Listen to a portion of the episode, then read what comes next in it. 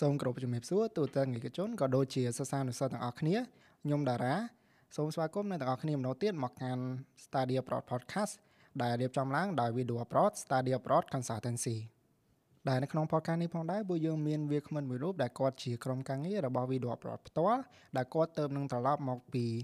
ការទស្សនកិច្ចទៅកាន់ SIM ប្រទេសសិង្ហបុរីអញ្ចឹងកុំឲ្យខាត់ពេលយូរយើងទៅជួបជាមួយគាត់ទាំងអស់គ្នា សួស្តីសួស្តីអឺជំរាបសួរអ្នកទាំងអស់គ្នាខ្ញុំឈ្មោះមនីហើយខ្ញុំជាក្រុមការងាររបស់ Video Pro អញ្ចឹងខ្ញុំអាចហៅបងមនីហ្មងទៅអូខេអញ្ចឹងដោយសារតាឮថាបងទៅមកពីទស្សនកិច្ចនៅខាង SM ប្រទេសសង្ហបុរីអញ្ចឹងចង់សួរពីចំណាប់អារម្មណ៍បងដំបូងនៅពេលដែលទៅដល់ហ្នឹងហើយនៅពេលដែលបងទៅហ្នឹងបងទៅតាមរយៈ program អីដែរចឹងសម្រាប់ទៅលើ program ដែលខ្ញុំបានទៅគឺ panel workshop ដែលហៅថា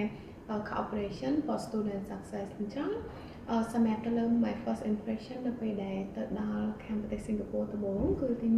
1ទៅលើ environment ហើយអាកាសធាតុក៏ដូចជាប្រជាជននៅក្នុងហើយជាមួយនឹងខាងសាលាផ្ទាល់មកទៅលើ location សាលាផ្សេងផ្សេងអញ្ចឹងណាចឹងសម្រាប់សំណួរតពួកខ្ញុំចង់ឲ្យបង brief time តាក់ទងជាមួយនឹង activity ផ្សេងផ្សេងឬក៏ experience ដែលបងទទួលបានពីក្នុងកម្មវិធីនេះទៅកាន់ audience អឺអញ្ចឹងសម្រាប់ទៅលើ activity ដែលនៅក្នុង event ដែលខ្ញុំបានទៅនៅខាង SIM គឺមានជាច្រើនអញ្ចឹងទី1គឺខាងសាលាគាត់មានជាយើង tour ទៅលើ campus សាលាហើយបរិវេណសាលាថ្នាក់រៀនកុំសិស្សឬក៏បរិយាកាសនៅសាលាផ្ទាល់ហ្មងហើយទី2គឺខាងសាលាគាត់មានជា sharing session ដែលក្នុងនោះគឺគាត់ចែកម្លែកទៅលើព័ត៌មានបន្ថែមសម្រាប់ទៅខាងសាលាផ្ទាល់ហ្មងទៅលើ program ទៅលើ ព័ត៌មាន information detail ទៅលើដើម្បីឲ្យខាងយើងគឺអាច share ជាមួយនឹងខាង audience ក៏ដូចជាកូនសិស្សដែលគាត់មានគម្រោងសម្រាប់ការទៅសិក្សានៅខាងសាលា SIM នៅខាងសិង្ហបុរីផ្ទាល់ចឹងដោយសារតើបងបានទៅទស្សនកិច្ចផ្ទាល់នៅខាង SIM នឹងផងដែរចឹងក៏ពួកយើងចង់សួរបន្ថែមដែរតកតងជាមួយនឹង quality នៅក្នុងការរៀននៅ SIM នឹងផ្ទាល់ហើយក៏ដូចជាចង់សួរតកតងជាមួយនឹង study program ហ្នឹងថាតើគេមាន program អីខ្លះដែរនៅខាង SIM ហ្នឹង សម្រាប់នៅខាង SM ផ្ទាល់គឺគាត់មានជា undergraduate program ជាមួយនឹង postgraduate program អញ្ចឹងក៏ដូចជា pathway program ផងដែរអញ្ចឹង pathway program គឺមានតែ foundation program ជាមួយនឹង diploma program អញ្ចឹងទៅលើ quality អញ្ចឹងអាចនិយាយបានថានៅខាង SM គឺ one of the top university នៅខាង Singapore ដូចគ្នាអញ្ចឹងទៅលើ quality អាចនិយាយបានថា good quality អូខេ អញ្ចឹងបន្ទាប់ពីទៅខាង SIM នឹងផ្ទាល់នៅពេលដែលបងទៅដល់បងមើលឃើញថាសម្រាប់ major ដែលកុំសាគាត់រៀននៅខាងហ្នឹងតើ major មួយណាដែលរៀនពេញនិយមជាងគេនៅខាង SIM ហ្នឹងដែរសម្រាប់ទៅលើ popular major នៅខាង SIM ហ្មងនេះបើបើតាមពួកយើងបានទៅជួបកូនសិស្សផ្ទាល់ក៏ដូចជាបានវិភាសាមួយខាងពួកគាត់ផ្ទាល់ភាគច្រើនកូនសិស្សគាត់ហ៊ានទៅខាង business ដូចជា management international business អីជាដើមប៉ុន្តែក៏មានកូនសិស្សហ៊ាននៅផ្នែកខាង art and design ផ្សេងផ្សេងដូចគ្នាអូខេអញ្ចឹងសម្រាប់នៅខាង SIM នឹងផ្ទាល់បើសិនជាឧទាហរណ៍ថា concern គាត់ចាប់អារម្មណ៍ទៅរៀនខាង international business អញ្ចឹងបើសិនជាគាត់ចាប់អារម្មណ៍ទៅរៀននៅខាងហ្នឹងអញ្ចឹងនៅពេលដែលគាត់ទៅរៀនគាត់ចូលទៅគាត់រៀន directly ទៅ bachelor degree ហ្មងឬមួយក៏គាត់ចូលរៀន program ឯគេមុនដំបូងដែរ អញ្ចឹងសម្រាប់ទៅលើ program ដំបូងដែលកូនសិស្សគាត់ចូលរៀនបើសិនបើក្នុងកណ្ដាលថាគាត់ចាប់អារម្មណ៍ទៅខាង SIM អញ្ចឹងជាទូទៅកូនសិស្សគាត់អាចនឹងចូលរៀនទៅលើ pathway program មុនដែលមានដូចជា foundation ឬក៏ diploma ប៉ុន្តែកូនសិស្សក៏គាត់អាចមានជំរឿគាត់ចូល directly ចូលទៅថ្នាក់ bachelor directly គ្នាបើសិនបើគាត់មាន requirement របស់ខាងសាលាក៏ដូចជាគាត់មានជា A level អីផ្សេងៗជាដើមអញ្ចឹងសម្រាប់ទៅលើកូនសិស្សដែលគាត់ចូលរៀន diploma program អញ្ចឹង ទៅលើ requirement អាចថាគាត់ត្រូវ complete ទៅលើ high school ក៏ដូចជាគាត់ទៅ certificate របស់គាត់គឺទទួលបាន C C grade ចុះបែរថា A B ឬក៏ C ដែលថាគាត់អាចចូល diploma direct បានប៉ុន្តែបើសិនបើក្នុងករណីថាកូនសិស្សគាត់ទទួលបាន D ឬក៏ E ឬក៏គាត់មានតែ high school completion letter ពីខាងសាលា high school ដែលគាត់ហ៊ានទេគាត់អាចនឹងចូល program diploma package ជាមួយនឹង bachelor ប៉ុន្តែ diploma program ជំនួស foundation អាចថាជាថ្នាក់មូលដ្ឋានគ្រឹះមុនពេលដែលគាត់ចូលហ៊ានថ្នាក់ bachelor ដូចគ្នាគាត់ថា diploma គឺ a bit higher level ជាងអញ្ចឹងមានន័យថាបើសិនមកគាត់ហ៊ាន diploma គឺប្រៀបបានដូចជា year 1នៃ bachelor របស់គាត់អញ្ចឹងអញ្ចឹងគឺទៅលើ duration ដែលគាត់ហ៊ាន bachelor គឺអាចនឹងតិចជាងអ្នកដែលគាត់ចូលពី foundation ទៅអូខេអញ្ចឹងដោយសារតាមិញបង mention តកតងមួយនឹង foundation program អញ្ចឹងចង់សួរតកតងមួយនឹង international business ដដែលសួរថាបើសិនជាកូនសិស្សគាត់ទៅរៀន foundation program ទៅលើ international business ហ្នឹងតើគាត់នៅពេលដែលគាត់ទៅរៀន foundation ហ្នឹងក៏គាត់រៀនតកតងមួយនឹងអីគេខ្លះដែរនៅខាង SIM អូខេអញ្ចឹងអឺសម្រាប់កូនសិស្សដែលគាត់ចូលរៀនថ្នាក់ foundation អញ្ចឹងដល់ពេលដែលដោយសារតែធម្មតាកូនសិស្សពីខ្មែរទៅអឺទៅលើអឺ ចូលរៀនថ្នាក់មូលដ្ឋានប្រៀបបានដូចជាយើងរៀនមូលដ្ឋានគ្រឿងអញ្ចឹងដែលក្នុងនោះបើគាត់បើសិនបើគាត់រៀន international business អញ្ចឹងទៅលើ foundation របស់គាត់អាចរៀនទៅលើ relate ទៅលើគ្រឹះនៃ business ច្រើនមុនពេលដែលគាត់ចូលទៅថ្នាក់ bachelor ដែលថាគាត់សម្រួលក៏ដូចជាពង្រឹងទៅលើគ្រឹះរបស់គាត់សម្រាប់ចូលរៀនត្រៀមខ្លួនចូលរៀនថ្នាក់ bachelor របស់គាត់ចឹងដោយសារតែមិញមកនិយាយថាបន្ទាប់ពី concert ក៏រៀនថ្នាក់ foundation ហើយគាត់អាចចូលទៅ bachelor degree បានអូខេអញ្ចឹងខ្ញុំចង់សួរថា សម្រាប់ bachelor degree គាត់អាចបន្ត bachelor degree នៅ SIM នឹងហ្មងឬមួយក៏គាត់អាច transfer ទៅរៀននៅខាងក្រៅបានដែរអញ្ចឹងសម្រាប់ពលសិស្សដែលគាត់ហ៊ានចប់ទៅលើថ្នាក់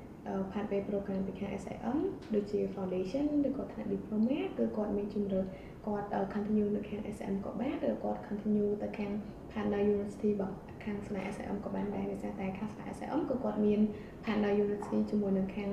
ប្រទេសអូស្ត្រាលី ស្ដារនៅប្រទេសអូស្ត្រាលីឬក៏ខាងអាមេរិកក៏ដូចជាខាង UK ផងដែរអញ្ចឹងណាអញ្ចឹងបើសិនបើគាត់ហ៊ានចាប់គឺគាត់អាចឧទាហរណ៍គាត់ហ៊ានចាប់ថ្នាក់ diploma ឬក៏ foundation អញ្ចឹងគាត់អាចចូល apply ទៅ directly ទៅលើសាលា partner របស់ខាង SIM ដូចជានៅខាង Omnity ឬក៏ខាង Latrobe ឬក៏ Monash ជាដើម អូខេអញ្ចឹងដោយសារតែមិញមកបាននិយាយតាក់តមួយ study program ហើយសម្រាប់ការសិក្សានៅខាង ISM នឹងហើយអញ្ចឹងពួកខ្ញុំក៏ចង់ដឹងដែរតាក់តមួយសម្រាប់ activity វិញអញ្ចឹងសម្រាប់សាលាគាត់មាន provide ជា activity អីក្រៅពីការរៀននៅក្នុងថ្នាក់រៀនផ្ទាល់ទេអមនិយាយទៅសម្រាប់ទៅលើចំណុចហ្នឹងគឺខាងសាលា SIM គឺគាត់មានផ្ដល់ជា activity ជាច្រើនសម្រាប់កូនសិស្សអឺមានដូចជា student club ឬក៏ឧទាហរណ៍គាត់រៀនទៅលើខាងផ្នែក business អញ្ចឹងគេមានជា student club ដែលបង្កើតឡើងដោយកូនសិស្ស SIM ផ្ទាល់ហ្មងដើម្បីអឺជួយទៅដល់កូនសិស្សដែលគាត់ជួយគ្នាទៅវិញទៅមកដូចថាគាត់ហ៊ានជាមួយគ្នាអីផ្សេងផ្សេងអញ្ចឹងណាហើយមួយទៀតគឺបើសិនបើឧទាហរណ៍ខាងខាងកូនសិស្សគាត់ហ៊ានទៅលើផ្នែកខាង ad វិញអញ្ចឹងខាងសាលាគាត់មានជា ad performing hall ដែលថាកូនសិស្សគាត់ practice ផ្ទាល់ផ្ទាល់ហ្មងទៅលើសកម្មភាពឬក៏មេរៀនដែលគាត់បានហ៊ានអញ្ចឹងណា OK អញ្ចឹងខ្ញុំបាននិយាយក្បោះក្បាយហើយតើតមួយនឹងការរៀនឬមួយក៏ study program នៅខាង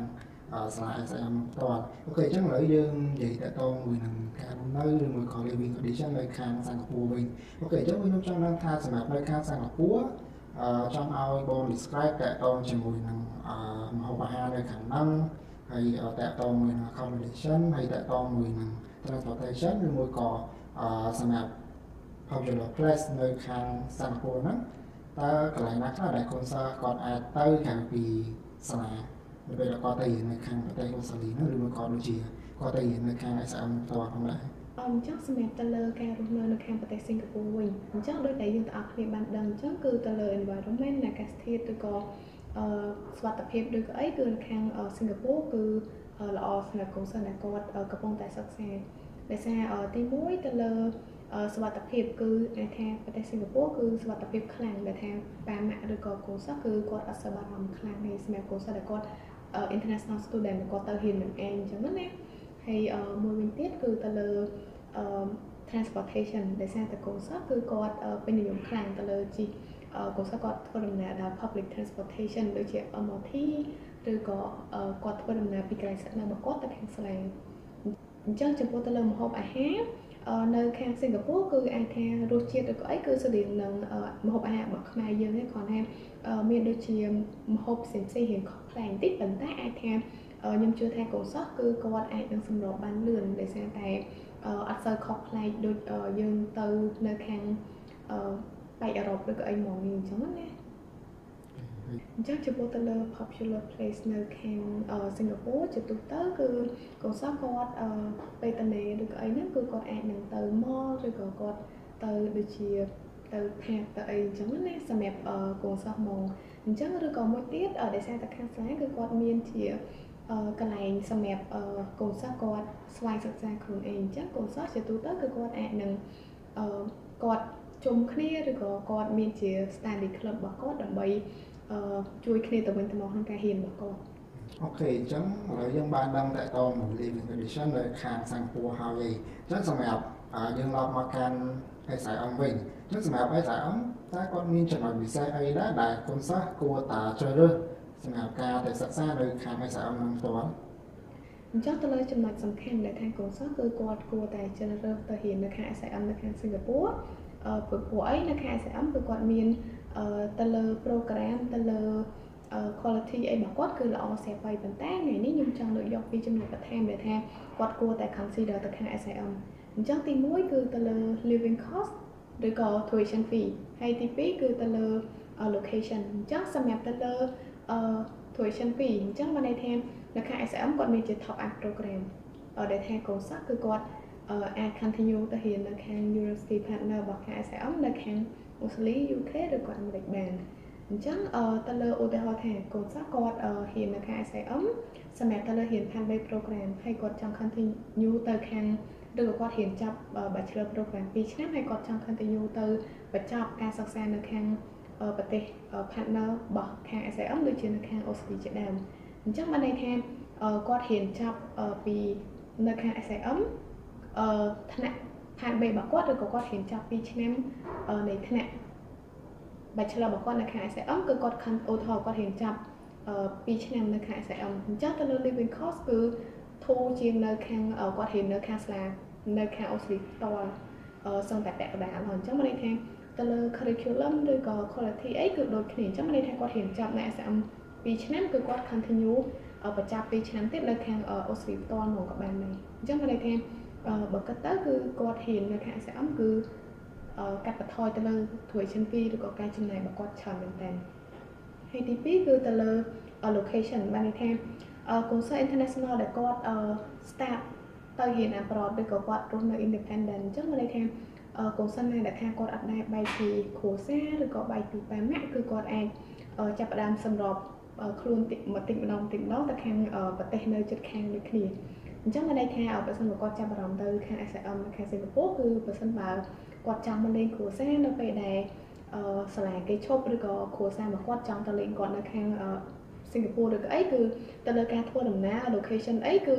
អត់ពិបាកសម្រាប់ពួកគាត់ទេអញ្ចឹងណាហើយក៏ចំណាយពេលអត់យូរដែរដូចថាបើអ្នកចង់ទៅលេងឬក៏អីអាចចំណាយពេលតែ1ម៉ោងឬក៏2ម៉ោងទេហើយបន្តមកទៀត អឺបើសិនបើគាត់រៀនចប់នៅនឹង2ឆ្នាំគឺគាត់អាច continue 2ឆ្នាំទៀតបញ្ចប់នៅខាងអឺ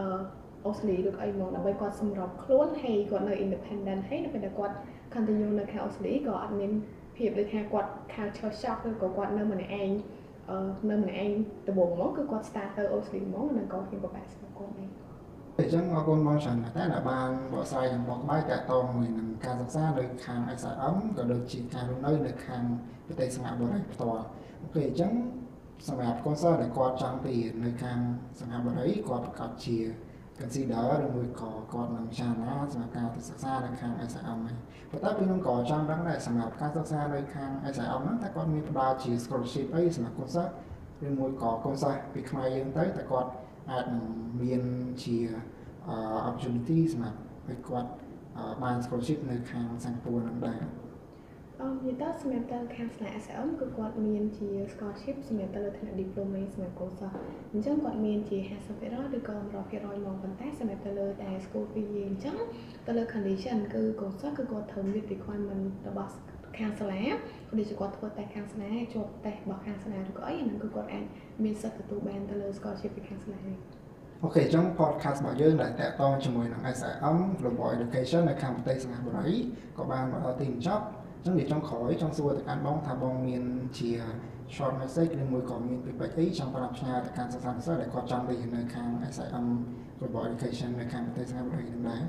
សម្រាប់ខ្ញុំផ្ទាល់ជូនចំពោះទៅដល់កូនសិស្សដែលគាត់មានគម្រោងសម្រាប់ទៅការសិក្សានៅខាង SIM ក៏ដូចជានៅប្រទេសសិង្ហបុរីផ្ទាល់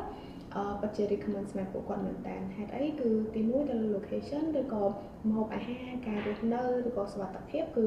សុវត្ថិភាពមែនតើនៅខាងសិង្ហបុរីសម្រាប់កូនសិស្សអន្តរជាតិឬក៏បានណាក់គឺគាត់មានការទុកចិត្តទៅខាងប្រទេសសិង្ហបុរីដែលថាគាត់បញ្ជូនកូនគាត់ទៅរៀន ដូចគ្នាអញ្ចឹងសម្រាប់នៅខាងសាលា SCM ផ្ទាល់ដោយសារតែខាងសាលាគឺគាត់យកចិត្តទុកដាក់សម្រាប់កូនសិស្សមែនតើដូចជាគាត់មានជា well-being ឬក៏ student service ឬក៏ consult ជាមួយនឹងកូនសិស្សក្នុងករណីថាគាត់មានបញ្ហាណាមួយឬក៏គាត់អឺត្រូវការ support ពីខាងសាលាឬក៏អីគឺខាងសាលាគាត់មាន link និង support កូនសិស្សក៏ដូចជាផ្ដល់ជាយោបល់អីផ្សេងៗសម្រាប់គាត់ដូចគ្នាហើយមួយទៀតគឺសម្រាប់កូនសិស្សដែលគាត់អឺ international student ដែលគាត់ មានគម្រោងថាទៅសិក្សា abroad ឬក៏សិក្សាក្រៅប្រទេសលើកដំបូងដែលគាត់អាចដែលធ្លាប់បែកពីគ្រួសារទេអាចថានៅខាង SIM ឬក៏ប្រទេសសិង្ហបុរីនេះគឺជាជំរឿនល្អសម្រាប់គាត់ដោយសារតែធម្មតាដំបូងគឺកូនសិស្សគាត់រស់នៅ independent នៅខ្លួនឯងដែលអត់មានគ្រួសារឬក៏អឺប៉ាម៉ាក់ឬក៏បងប្អូននៅជិតខ្លួននេះអញ្ចឹងគាត់ទៅខាង SIM នៅប្រទេសសិង្ហបុរី គឺទៅលើរយៈចម្ងាយដែលថាគាត់នៅពេលដែល break ឬក៏ទៅនៃពីការសិក្សាឬក៏ចង់ជួបជុំគ្រួសារគឺអាចធ្វើដំណើរមកលេងនៅខាងនៅប្រទេសកម្ពុជាវិញបានដែលថាគាត់ធ្វើដំណើរគឺអត់ឆ្ងាយទេចន្លោះពី1ម៉ោងទៅ2ម៉ោងគឺដល់ហើយអង្ហេតុបន្ថែមពីលើនោះទៅទៀតគឺទៅលើ tuition fee អញ្ចឹងដោយសារតែនៅខាង SIM គឺបើ compare បើសិនបើកូនសិស្សគាត់ចាប់អារម្មណ៍ទៅរៀនវាជា top up program ជាមួយនឹង partner university របស់ SIM នៅខាងនៅខាងប្រទេស